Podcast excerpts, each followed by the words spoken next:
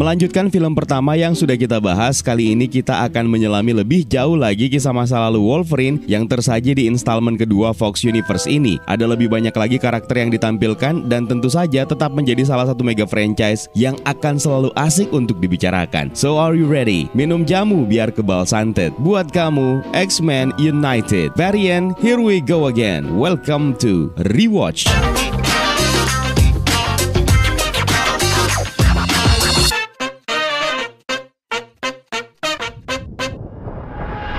Judul lengkap untuk film ini adalah X2 X-Men United yang merupakan sequel film X-Men yang sudah sempat kita bahas dan film ini dirilis pada tahun 2003. Kembali disutradarai oleh Brian Singer dan kembali menampilkan Hugh Jackman sebagai Logan alias Wolverine, Patrick Stewart sebagai Charles Xavier alias Professor X, Ian McKellen sebagai Eric Lancer alias Magneto, Famke Jensen sebagai Jean Grey, James Marsden sebagai Scott Summers alias Cyclops, Anna Paquin sebagai Mary DeAcanto alias Ru Rebecca Romaine sebagai Raven Darkholm alias Mystique, Halle Berry sebagai Aurora Monroe alias Storm, Brian Cox sebagai William Stryker, dan juga ada Alan Cumming sebagai Kurt Wagner alias Nightcrawler. Seperti biasa sebelum kita mulai, kita harus kasih spoiler warning terlebih dahulu buat kalian yang belum pernah menyaksikan film yang satu ini, biar kalian bisa menikmati filmnya secara utuh dengan cinema experience yang tentu saja jauh lebih maksimal daripada hanya dengan mendengarkan saya bercerita seperti ini.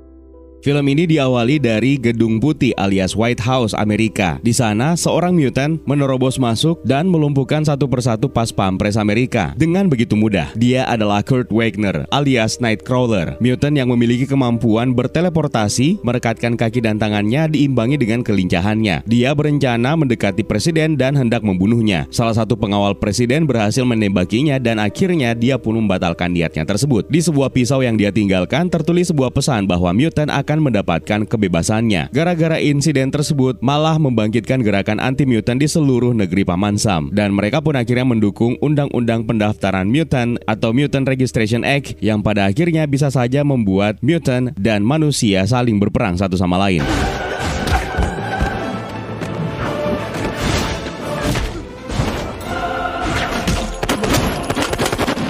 Sementara itu, Logan alias Wolverine menjelajahi sebuah bekas instalasi militer di Danau Alkali di Alberta untuk mencari petunjuk mengenai masa lalunya. Namun sayangnya dia tidak menemukan apa pun di sana. Di tempat lain, murid-murid dari Xavier School dibawa untuk mengunjungi sebuah museum. Di sana, Jean Grey malah memiliki firasat dan berjuang untuk berkonsentrasi karena kekuatannya menjadi semakin tidak stabil dan sulit untuk dikendalikan. Cyclops berusaha untuk menenangkannya, namun Jane malah menyampaikan tentang penglihatannya bahwa sesuatu yang buruk akan terjadi. Di ruangan lain, Rook yang kini berpacaran dengan Bobby alias Iceman bersama dengan Pyro diganggu oleh dua orang pemuda yang malah membuat Pyro emosi dan akhirnya mengeluarkan menunjukkan kekuatannya, di mana dia mampu mengontrol api hingga membakar salah satu pemuda yang usil tadi. Beruntung Bobby segera memadamkan api dengan kekuatan ice-nya, hingga tiba-tiba seluruh manusia yang ada di tempat tersebut diam dan tidak bergerak, seolah-olah waktu telah dihentikan, kecuali para murid-murid dari Xavier School. Dan rupanya itu adalah tindakan dari Profesor X yang memberikan peringatan keras kepada Bobby alias Iceman dan Pyro yang malah memamerkan kekuatannya di depan manusia. Mereka akhirnya pergi meninggal meninggalkan museum tersebut setelah melihat berita di salah satu stasiun TV yang mengabarkan bahwa salah satu mutant telah melakukan penyerangan terhadap Presiden Amerika Serikat, McKenna. Hey! That's real cute, man. Kembali ke Xavier School, Profesor X dan kawan-kawan akhirnya mencurigai Magneto adalah dalang dari upaya pembunuhan presiden yang dilakukan oleh mutant yang rencananya akan memperburuk hubungan antara manusia dan mutant. Profesor X akhirnya menggunakan Cerebro untuk mencari tahu pelaku percobaan pembunuhan presiden dan mendeteksi lokasi keberadaannya agar X-Men bisa mengamankan mutant tersebut mendahului pemerintah. Ternyata di Gedung Putih Amerika, Presiden McKenna dikunjungi oleh mantan ilmuwan militer Amerika yaitu Kolonel William Stryker untuk mencari tahu sosok mutant yang berusaha membunuh presiden. Tidak lama kemudian, Mystic yang kini menyamar sebagai Senator Kelly juga mendatangi presiden, sementara William Stryker sendiri mengaku sedang menyelidiki pergerakan mutant Mutant di Xavier School for Gifted Youngster. Sesuai dengan hasil interogasinya terhadap Magneto, Mystic pun akhirnya mengetahui keberadaan Magneto yang kini menjadi tahanan penjara. Presiden sendiri memberikan kuasa penuh kepada William Stryker untuk menggerebek Xavier School dengan syarat AdSense-nya dimatikan. Eh, maaf, salah naskah. Dengan syarat tidak ada korban mutant satupun. Pada saat hendak meninggalkan Gedung Putih, William Stryker bersama asistennya Yuriko Yama didatangi oleh Mystic yang hendak mengetahui lokasi Magneto ditahan. Namun sayangnya, Stryker merahasiakannya. Senator Kelly, this is Yuriko, my personal assistant.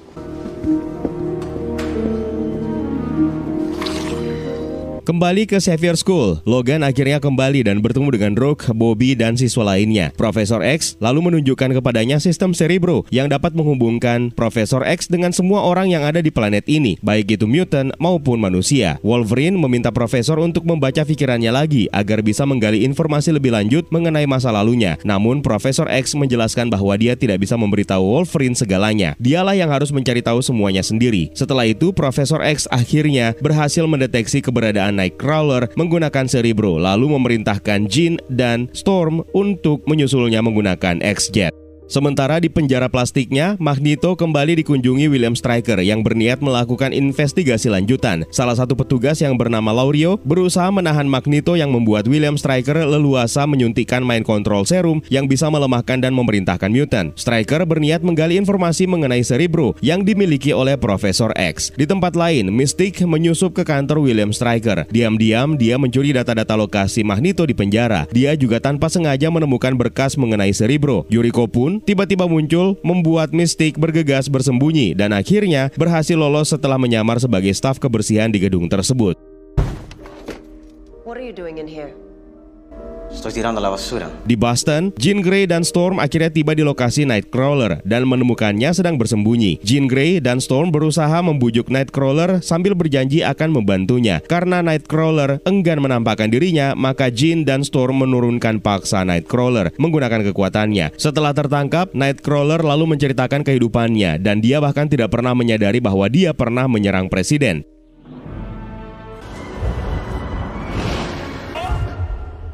Jean Grey dan Storm lalu menemukan bekas suntikan yang tampaknya bekas suntikan tersebut sama seperti bekas suntikan Magneto. Di Xavier School, Logan kembali bermimpi mengenai masa lalunya sehingga membuatnya terbangun dan bergabung dengan Bobby yang juga tidak bisa tidur. Tidak lama kemudian, Logan merasakan kehadiran beberapa orang yang menyusup ke Xavier School. Benar saja, rupanya pasukan William Stryker telah mengepung mereka. Profesor X sendiri sedang mengunjungi Magneto di penjara plastik bersama Cyclops. Magneto lalu mengungkapkan bahwa dirinya sering dikunjungi oleh William Stryker, ayah dari Jason yang pernah menjadi murid Profesor X, yang pada saat itu dia tidak bisa membantu Stryker untuk menyembuhkan Jason, anaknya yang membuat Profesor X merasa khawatir karena Magneto mengaku bahwa dia telah memberitahu segalanya kepada William Stryker. Pada saat itu pula, gas tiba-tiba memenuhi ruangan penjara dan keduanya pun akhirnya jatuh pingsan. Di luar, Cyclops berusaha melawan para penjaga, namun akhirnya dia dikalahkan oleh asisten Stryker yaitu Yuriko alias Lady Deathstrike.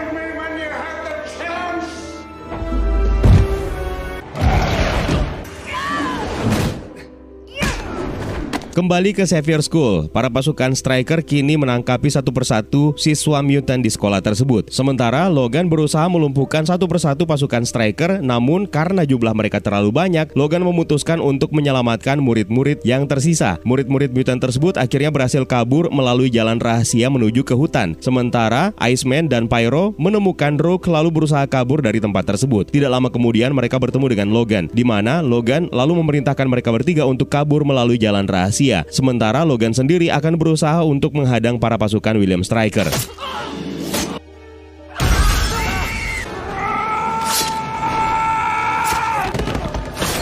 William Stryker pun akhirnya masuk dan menemui Logan. Mengejutkan, ternyata William Stryker tahu tentang Logan, yang tentu saja membuat Logan sendiri merasa kebingungan. Iceman dan Rogue akhirnya memutuskan kembali untuk menyelamatkan Logan, dan dengan menggunakan kekuatannya, Iceman membentuk sebuah dinding es yang menjadi penghalang pertemuan antara Logan dan William Stryker. Di tengah rasa kebingungan dan frustasinya, Logan akhirnya memutuskan untuk kabur secepatnya dari tempat tersebut. Dengan menggunakan mobil milik Cyclops, dia pun kabur timur menuju Boston, menyusul Jean Grey dan Storm yang berada di sana dan kebetulan orang tua Bobby alias Iceman juga tinggal di kota tersebut. Tanpa sengaja, Logan mengambil sebuah alat dari mobil Cyclops yang mana dia tidak mengetahui apa kegunaannya. William Stryker sendiri akhirnya mengambil seluruh alat yang ada di Cerebro.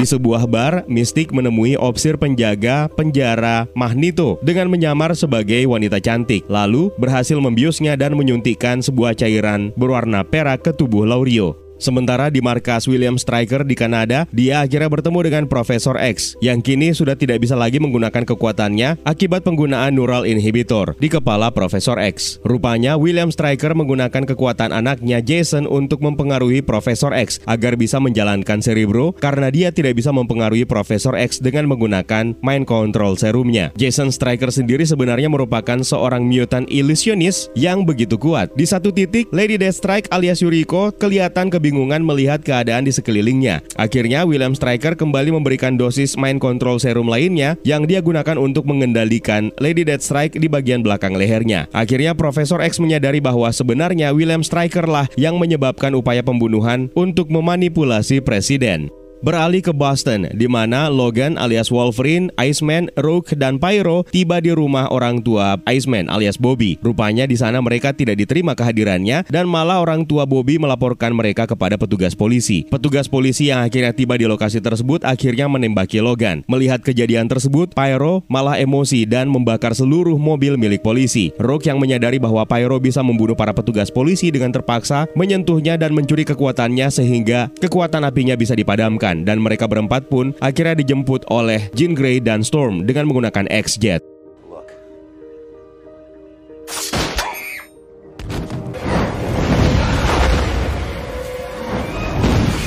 Beralih kembali ke penjara plastik. Opsir Lario berniat memberikan makanan terhadap Magneto. Magneto sendiri memperhatikan sesuatu yang berbeda terhadap Opsir Lario, di mana dia menyadari bahwa Mystic telah menyuntikkan zat besi ke dalam darahnya, yang akhirnya bisa dimanfaatkan oleh Magneto dengan menggunakan kekuatannya untuk membunuh Laurio. Dia pun akhirnya berhasil membentuk zat besi tersebut yang diambil dari penjaga menjadi bantalan bola kecil yang bisa digunakan untuk menghancurkan penjara plastiknya dan akhirnya dia pun bisa melarikan diri.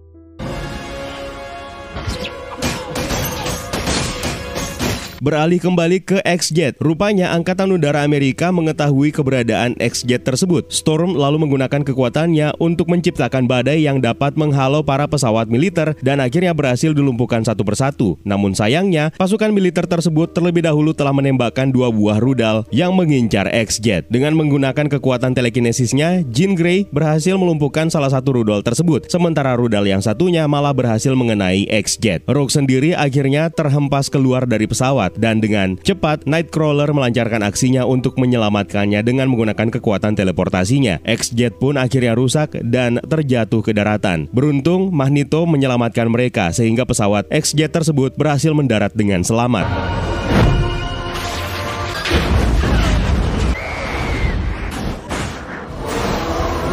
Rook lalu berterima kasih kepada Nightcrawler yang telah menyelamatkannya, sementara Magneto menjelaskan mengenai sosok William Stryker yang telah menyerang Xavier School dengan tujuan untuk mengkopi Cerebro lalu menculik Profesor X karena hanya Profesor X yang bisa menggunakan Cerebro tersebut. Magneto juga akhirnya menyampaikan bahwa dia terpaksa mengatakan sejujurnya mengenai Cerebro kepada William Stryker karena Stryker memiliki serum yang bisa mengontrol mutant. Magneto pun memberitahu Logan bahwa Stryker adalah salah satu dari dua orang ilmuwan yang menanamkan logam logam adamantium dalam tubuh Logan. Kini, pada intinya, Magneto membutuhkan bantuan X-Men untuk menggagalkan rencana William Stryker yang berniat membunuh seluruh mutant dengan menggunakan Cerebro. Mereka kini harus mencari tahu lokasi di mana William Stryker sedang membangun Cerebro ciptaannya. Jean Grey pun akhirnya yakin bahwa Nightcrawler yang pernah dipengaruhi oleh William Stryker bisa mengetahui lokasi markas dari Stryker. Dan benar saja, markas Stryker rupanya terletak di Danau Alkali di Alberta, di mana Logan malah kurang yakin yakin karena dia sudah pernah ke sana dan tidak ada apa-apa di sana. Di malam hari, Jean Grey tiba-tiba mendatangi Wolverine lalu mengajaknya bercinta. Rupanya wanita yang sedang ditemani oleh Wolverine tersebut adalah Mystique yang menyamar sebagai Jean Grey. Keesokan hari, mereka pun akhirnya memutuskan untuk mendatangi danau alkali di Alberta tersebut untuk membuktikan keberadaan Cerebro dan Profesor X.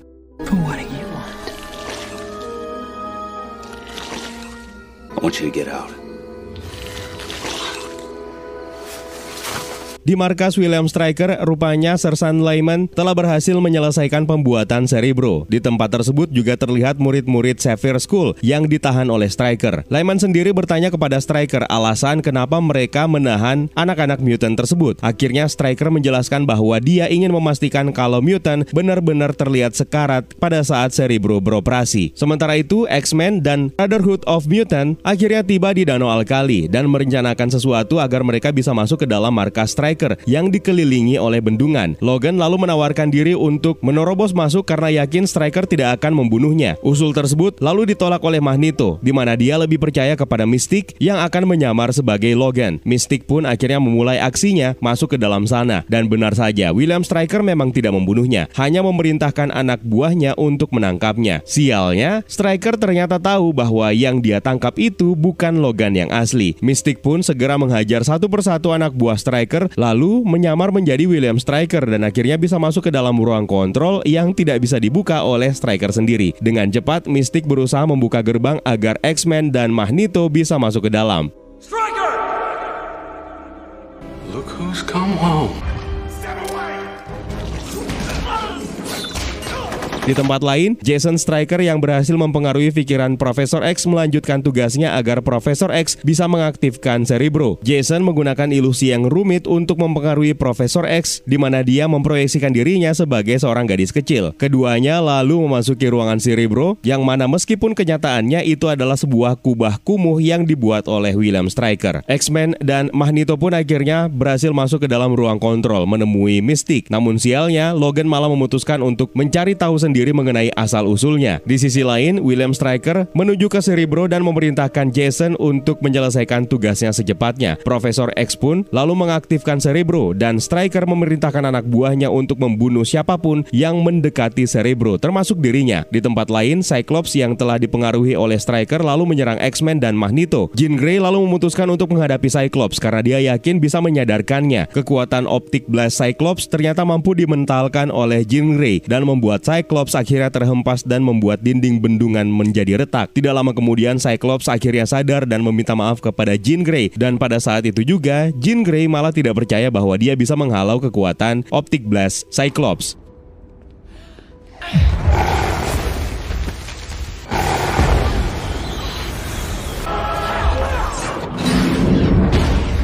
Di ruangan lain, Logan akhirnya menemukan ruangan tempat dirinya pernah menjadi manusia percobaan William Stryker yaitu dengan menanamkan logam adamantium dalam tubuhnya. Ruangan tersebut terlihat sama persis dengan yang ditunjukkan dalam mimpinya. Tidak lama kemudian, Stryker muncul bersama dengan Yuriko. Rupanya, Logan bukan satu-satunya mutant yang memiliki kekuatan logam adamantium karena ternyata Yuriko alias Lady Deathstrike ini juga memiliki kekuatan yang serupa dengan Logan. Lady Deathstrike pun akhirnya menyerang Logan dengan cakar adamantiumnya. Mereka berkali-kali saling menikam, namun kembali bisa menyembuhkan diri. Wolverine pada akhirnya dibuat terdesak oleh Lady Deathstrike dengan kelincahannya. Beruntung, Wolverine mampu menghempaskan Lady Deathstrike dan mengurungnya ke dalam cairan kimia. Karena masih terus berusaha memberikan perlawanan, maka Wolverine dengan terpaksa menyuntikkan logam adamantium ke dalam tubuh Lady Deathstrike dan membuatnya tenggelam.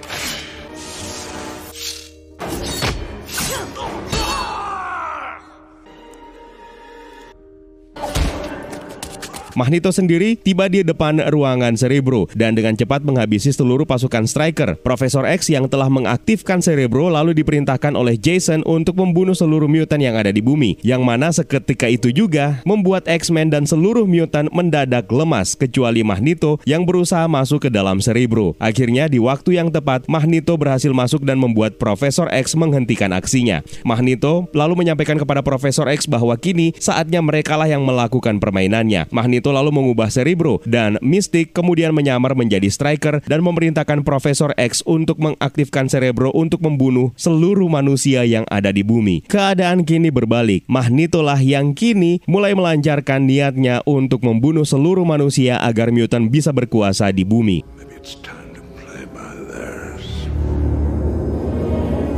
There's been a change of plan. Sementara itu, Logan berhasil menyusul William Stryker yang hendak kabur menggunakan helikopternya. Karena bendungan akan segera jebol, maka Logan memutuskan untuk mengikat Stryker di tempat tersebut lalu pergi menyelamatkan teman-temannya. Rupanya Stryker bisa melepaskan ikatannya. Kembali ke Profesor X yang hendak membunuh seluruh umat manusia, berusaha digagalkan oleh X-Men yang akhirnya tiba di Cerebro. Sayangnya, Profesor X kini memulai aksinya dan membuat seluruh manusia sekarat. Karena sudah tidak punya waktu banyak, Storm akhirnya meminta Nightcrawler untuk membawanya masuk ke dalam ruangan Cerebro untuk bertemu dengan Jason dan menghentikan ilusinya dengan membuat ruangan menjadi dingin. Jason pada akhirnya menyerah dan memerintahkan Profesor X untuk menghentikan aksinya. Profesor X pun akhirnya sadar dan menghentikan Cerebro.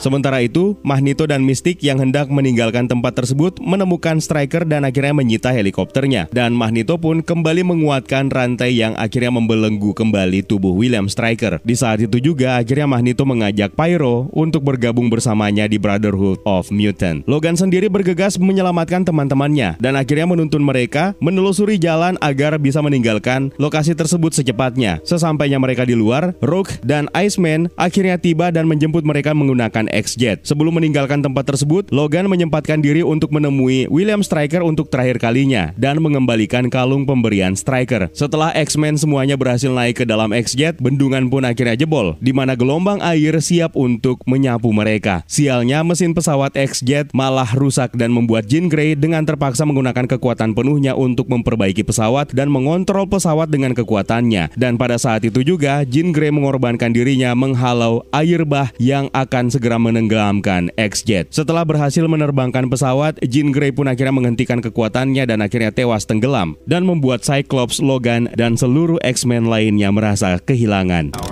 Gene? Wait, where's Jean? No, we're not leaving! This is the only way. Di tempat lain di Gedung Putih, Presiden McKenna telah siap untuk melakukan pidato kenegaraannya menyikapi aktivitas mutan akhir-akhir ini di Amerika dan menganggap mereka sebagai ancaman terhadap umat manusia. Tiba-tiba saluran terputus dan seluruh manusia yang berada di ruangan tersebut dibekukan kecuali Presiden. Rupanya Profesor X datang bersama X-Men untuk mengingatkan Presiden dan memberitahu Presiden mengenai rencana jahat dari Kolonel William Stryker. Profesor X juga menyampaikan bahwa manusia dan mutan suatu saat nanti akan bersatu untuk menghadapi ancaman ancaman perang yang luar biasa dan Profesor X menginginkan manusia dan mutant bisa hidup berdampingan tanpa ada yang saling mengganggu satu sama lain dan presiden harus memastikan hal tersebut karena para mutant akan selalu mengawasinya.